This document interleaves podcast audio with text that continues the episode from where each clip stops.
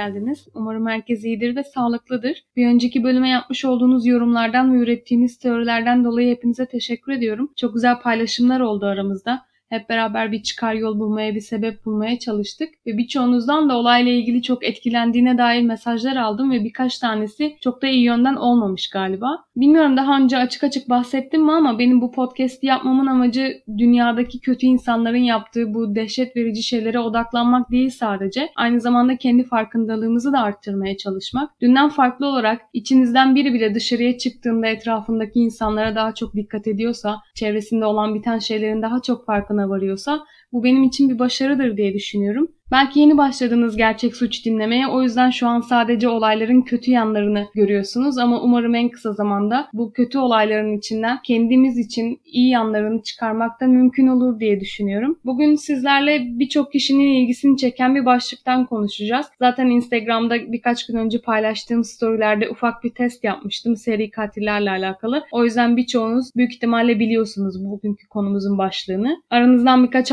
arkadaşımız da doğru tahmin etti ama umarım tahmin edemeyenler de hayal kırıklığına uğramazlar. Seri katiller birçok kişinin ilgisini çeken bir olay ve ben de bir süredir sizden gelen önerilerle hiç bölüm yapmadığımı fark ettim. O yüzden güzel bir kombinasyon olacağını düşünüyorum. Ben bu olayı sizlerle birlikte öğreniyorum. Duymuştum daha öncesinde ama detayı detayına olan biten her şeyine sizlerle beraber öğreneceğim bugün. Bu arada nedense seri katiller birçok kişinin aksine benim pek fazla ilgimi çekmiyor. Farklı bir şey seziyorum buradaki olayları araştırırken ve sizlere anlatırken. Belki de olay anlatımlarının ve kurgularının başına kötü bir şey gelen insanın üzerine değil de bu katilin üzerine odaklanması bana bunu hissettiriyor bilmiyorum. Çünkü bu insanların hayatını kararttığı insanların sadece bir sayıdan ibaretmiş gibi bahsetmek beni biraz üzüyor galiba. Belki de o yüzden. Bilmiyorum anlatabildim mi demek istediğimi ne kadar mantıklı geldi ama isterseniz bu girişi daha fazla uzatmadan başlayalım.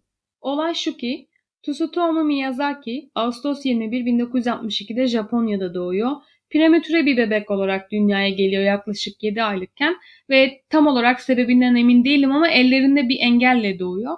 Anladığım kadarıyla bilek kemiklerinde eklem yerleri yok. O yüzden kolunu bir bütün olarak kullanmak zorunda kalıyor. Parmakları ve kolları da olabildiğince zayıf ve aşırı uzunlar. Bu yüzden okul hayatı boyunca birçok zorbalığa maruz kalmış bir çocuk olarak yıllarını geçirmek zorunda kalıyor. Bu yüzden de çok fazla yalnız, hiç arkadaşı yok Sürekli kitap okuyarak ve Japon animeleri izlemekle geçiriyor vaktini sürekli. Ailesinin ekonomik olarak durumu iyi fakat öyle çok üst düzey sınıf aile sayılabilecek kadar da değil. Babasının bir gazetesi var. Fakat Miyazaki bu arada ismi çok zor olduğu için ben ona soy ismiyle hitap edeceğim. E, Miyazaki zamanı geldiğinde bu işi yürütecek kadar ilgili değil. Annesi de onu ailenin kara koyunu olarak görüyor ve iki küçük kız kardeşiyle beraber ondan çok fazla hoşlanmıyorlar. Dışarıda olduğu gibi evin içinde de öyle üzerine çok fazla ilgi olmayan bir çocuk ve dışlanan bir çocuk olarak büyüyor.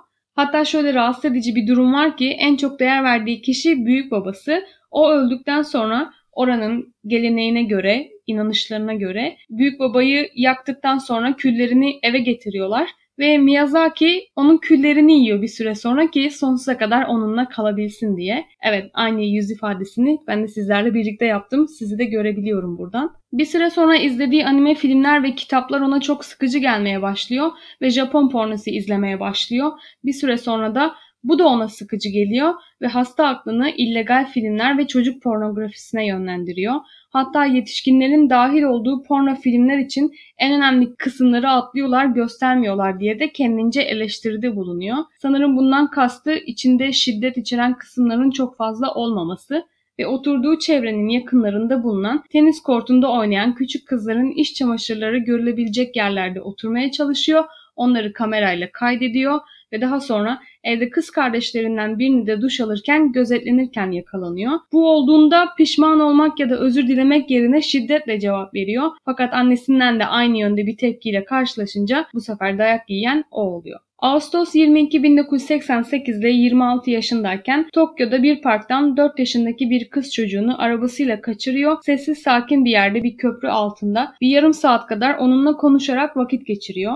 Daha sonra küçük kızı elleriyle boğuyor ve öldürüyor. Ve iğrençliği bundan sonra da devam ediyor ve küçük kızın ölü bedenine tecavüz ediyor. Kıyafetlerini çıkartıyor ve beraberinde eve götürüyor. Birkaç gün sonra yaptıkları yetmemiş gibi olay yerine tekrardan dönüyor ve elleri ve ayaklarını kestiği küçük kızın bedenini yakıyor ve kestiği uzuvlarını da beraberinde kıyafetlerine yaptığı gibi eve götürüyor. Fakat hasta aklınca bu yaptıkları yetmemiş olacak ki kızın yanan bedeninin küllerini de bir zarfın içine koyuyor kızın kıyafetlerini ve fotoğraflarını dişleriyle beraber küllerini de aynı zarfa koyarak küçük kızın ailesine postalıyor ve içine yazdığı kartta da tırnak içinde Mary yakıldı, kemikleri araştır ve kanıtla yazıyor. Yaklaşık bir buçuk ay sonra 3 Kasım 1988'de bu sefer 7 yaşındaki bir kız çocuğunu kaçırıyor ve maalesef onu da öldürdükten sonra tecavüz ediyor ve yine aynı yerde aynı şekilde onun da kıyafetlerini beraberinde eve götürüyor.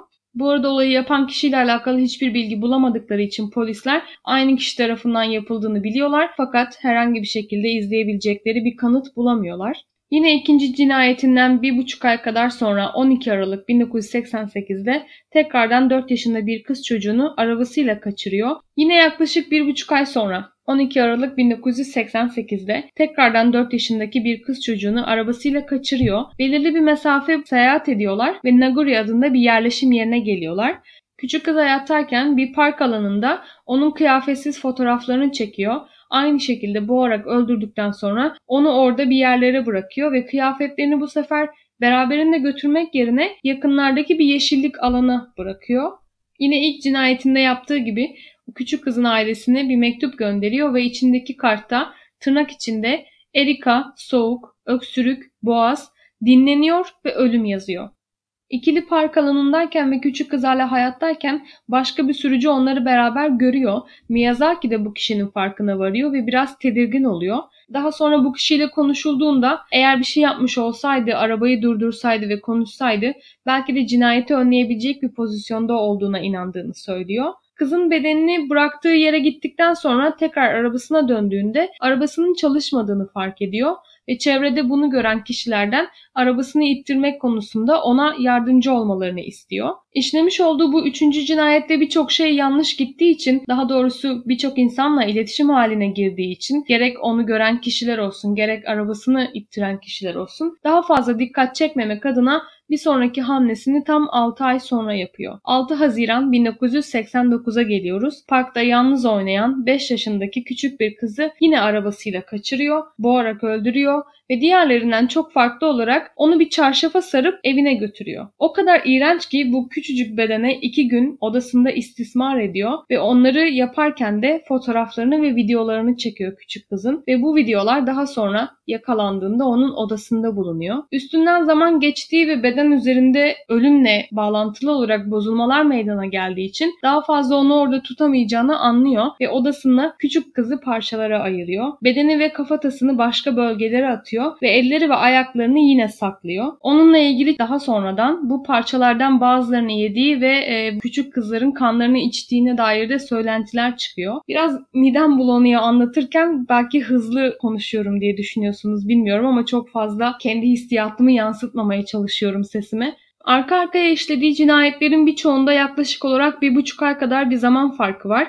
Yine bir buçuk ay geçiyor ve 23 Temmuz 1989'da Miyazaki kız kardeş olan iki küçük kızı parkta oynarlarken görüyor ve daha küçük olan kardeşi büyük kardeşinden ayırarak sakin bir yere çekiyor ve küçük kızı soyarak onun çıplak fotoğraflarını çekmeye çalışıyor ki bu arada kendisi de soyunuyor. Tam bu sırada çok şükür ki kızların babası durumu fark ediyor ve onları buluyor ve Miyazaki'ye saldırdığı anda çırılçıplak kaçmayı başaran Miyazaki arabasına ulaşıyor ve evine gidiyor o halde. Yapılan araştırmalar sonucunda kimliği belirlenen ve evinde gözaltına alınan Miyazaki'nin odasında çekmiş olduğu bu iğrenç görüntülere cinsel içerikli tam 5763 videoya ve beraberinde sakladığı küçük kızların vücut parçalarını da buluyor. Hatta bu pornografik videoların içerisinde çok fazla şiddet içeren kısımlar da var ve mahkemesi boyunca da küçük kızların üzerine yapmış olduğu bu şiddet eğilimini de sürekli izlediği bu filmlere bağlıyor.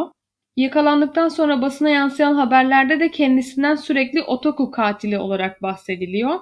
Japonya'da oldukça yaygın olarak bilinen bir tabirmiş bu. Otaku'nun esas anlamı belirli bir hobiyle aşırı ilgilenen bir hayran olarak tanımlanabiliyor. Bir konu hakkında ki bu özellikle Japonya'da anime karakterler üzerine yoğunlaşıyormuş. bu anime karakterinin hayranıyımdan daha fazla bir şey. Gerçekten kendisini bir otaku olarak tanımlayan birisi bu ilgisini obsesif olarak gösteriyor ve yaşamındaki diğer öğeleri de ki buna okulu, işi de dahil olmak üzere her şeyini bu doğrultuda o karaktere benzeyerek yaşıyor ve hatta önüne çıkan engelleri de onların çözebileceği gibi çözmeye çalışıyorlarmış. Düşünün ki hayranı olduğu anime karakterin bütün repliklerini ezbere biliyorlar. Bütün bölümleri tekrar tekrar izliyorlar ve sosyal hayatı ve yaşamındaki başarısı da bununla orantılı olarak azalıyor ve tam bu noktada da bir otaku olmaya başlıyor. Tabi başta çoğunlukla Japonya'daki anime karakterlerden bahsettik ama buradaki durum bu Miyazaki'nin izlediği bu pornografik filmlerdeki şiddet eğilimi içeren karakterlerinden birine bürünmüş olarak kendini gösteriyor. Ve Miyazaki'nin yaptıkları da bu filmlere bağlanıyor. Konuyla ilgili daha fazla bilgisi olan varsa ya da ben yanlış ya da eksik bir şey söylediysem Instagram'da yine bölümle ilgili fotoğrafları koyduğumda altına yorum olarak yazın lütfen. Biz de daha fazla öğrenmiş oluruz böylelikle. Temmuz 1989'da yapmış olduğu o son saldırıdan sonra yakalanma süreci ve yargılanmasına başlamadan önce de yaklaşık bir 7 ay geçiyor ve 30 Mart 1990'da yargılanmasına başlanıyor Miyazaki'nin ve mahkemesi boyunca kesinlikle bir pişmanlık ve vicdan azabı çektiğine dair belirtileri yok. Aksine çok iyi bir iş yaptığını iddia ediyor ve kendisinin bir Japon kahraman olduğunu söylüyor. Mahkeme salonu da onun sahnesi olarak görüyor. Yaptıkları için de asla özür dilemiyor haliyle ki dilese bile ne olacak ne değiştirecek ama bütün davranışlarını ve yaptıklarının sorumlusu olarak önce bir çizgi film karakteri olan fare adama bağlıyor bunları. Tavır ve tutumundan dolayı mahkeme akıl sağlığı konusunda raporlarının olması gerektiğine inanıyor ve 3 ayrı doktordan farklı raporlar alınmasına karar veriliyor. Yapılan testlerin sonucunda doktorlardan bir tanesi onda kişilik bozukluğu olduğunu fakat yaptıklarının bilincinde olduğunu söylüyor. İkincisi Miyazaki'nin şizofreni olduğunu söylüyor ve üçüncü ekipte Miyazaki'de çoklu kişilik bozukluğu olduğuna karar veriyorlar. Tabii kısa bir süreçten bahsetmiyoruz bu arada. 1990'da başlıyor bu yargılanma süreci ama bu testlerin yapılmasına karar verilmesi, daha sonra ortaya çıkan sonuçlar ve onların değerlendirilmesi uzun bir zaman alıyor. Fakat en sonunda yargıç Miyazaki'nin yaptıklarının şiddeti ve seviyesi göz önüne alındığında onun cezasının ölüm olduğuna karar veriyor. Bu sonuç karşısında Miyazaki bu cinayetleri işlerken kendinde olmadığını, rüya gördüğünü, halüsinasyon gördüğünü iddia ediyor ve savunmasını da bu doğrultuda yapmaya çalışıyor. Mahkeme süreci dediğim gibi uzun sürüyor ve onun hakkında bu kararın varılması tam 7 yıl alıyor. Nisan 14 1997'de bu ölüm cezasına karar veriliyor ve 2001'de de Japonya'nın Yüksek Mahkemesi ve Adalet Divanı 2006 yılında bu cezaya onay veriyorlar. Bütün bu süreç boyunca gazete sahibi olan ve maddi anlamda da durumu iyi olan babası bu süreçte oğlunun savunması için ne avukat tutuyor ne ona herhangi bir şekilde para harcıyor ne de ona yardım ediyor. Eğer bunu yaparsa öldürülen çocukların ailelerine saygısızlık olacağını söylüyor ve oğlunu reddediyor. Ve birkaç sene sonra da belki birçoğunuz biliyorsunuzdur Japonlar çok onurlu yaşamaya ve çevrelerine duydukları saygıyla bilinirler. Babası bunu kaybettiğini ve adının lekelendiğini düşündüğü için 1994'te intihar ediyor. Babası intihar etmeden önce Miyazaki'nin ailesine yazmış olduğu mektuplar ortaya çıkıyor ve babasına yazdığı mektupta her şey senin yüzünden oldu deyip onu suçluyor ve annesine de ona yaşattığı üzüntüler için özür diliyor. Ve çok alakasız olarak mektubun sonunda da eğer arabamı kullanmaya devam etmek istiyorsan yağını değiştirmeyi unutma yazıyor annesine yazdığı mektupta. Ve ölüm cezası uygulanmadan önce de kendiyle ilgili bir bildiri yayınlıyor ve anne babasının onu hiç sevmediğini, kız kardeşlerinin onun hayatını cehenneme çevirdiğinden bahsediyor ve bütün bu sorunları, bu akıl sağlığının bozulmasını da aile içinde yaşadığı bu dışlanmaya ve hor görülmeye bağlıyor ve ortaya çıkıyor ki bütün bu işlediği cinayetlerden önce birçok seri katilde görüldüğü gibi onda da hayvan cinayetleriyle bu şiddet kendini göstermeye başlamış. Önce ailenin kendi köpeğini, daha sonra çevrede bulduğu iki kediyi öldürmüş. Üstüne üstlük bu kedilerden birini de çok özür dileyerek söylüyorum ki canlı canlı kaynar suyun içine atarak öldürmüş ve 1988'de başlayan bu cinayetler, yakalanma süreci, karar aşaması, kararın onaylanması derken tam 20 yıl sonra Haziran 17 2008'de bu cezayı işleme koyan Japonya mahkemeleri Miyazaki'yi asarak idam ediyorlar. Son bölümümüz hariç bir süredir başka ülkelerden anlattığım olaylar olmuyordu. Sürekli Amerika'daki olaylar arka arkaya denk gelmişti. Bugün sizlerle hep beraber Japonya'ya gitmiş olduk. Aslında Japonya çok farklı bir ülke, çok renkli, çok değişik bir dünya orası. Ama araştırma yaparken fark ettim ki birçok seri katile de ev sahipliği yapmış olan bir ülke. Hatta yine birçoğunuzun çok istediği ve bildiği bir olay olan Junko Furuta da orada yaşanmıştı. Yine yanlış hatırlamıyorsam 80'li yıllarda olmuştu o da. Junko Furuta'nın olayını da anlatmamı isteyenleriniz var aranızda. Ben olayı ilk dinlediğimde bile çok uzun zaman almıştı yani tek bir günde bitiremedim onun başına gelenleri maalesef. O yüzden tekrardan dinleyip bunu yazıya döküp daha sonra sizlere anlatmaya kalbim ne kadar dayanır şu anki olduğum ruh hali içerisinde ondan çok emin değilim.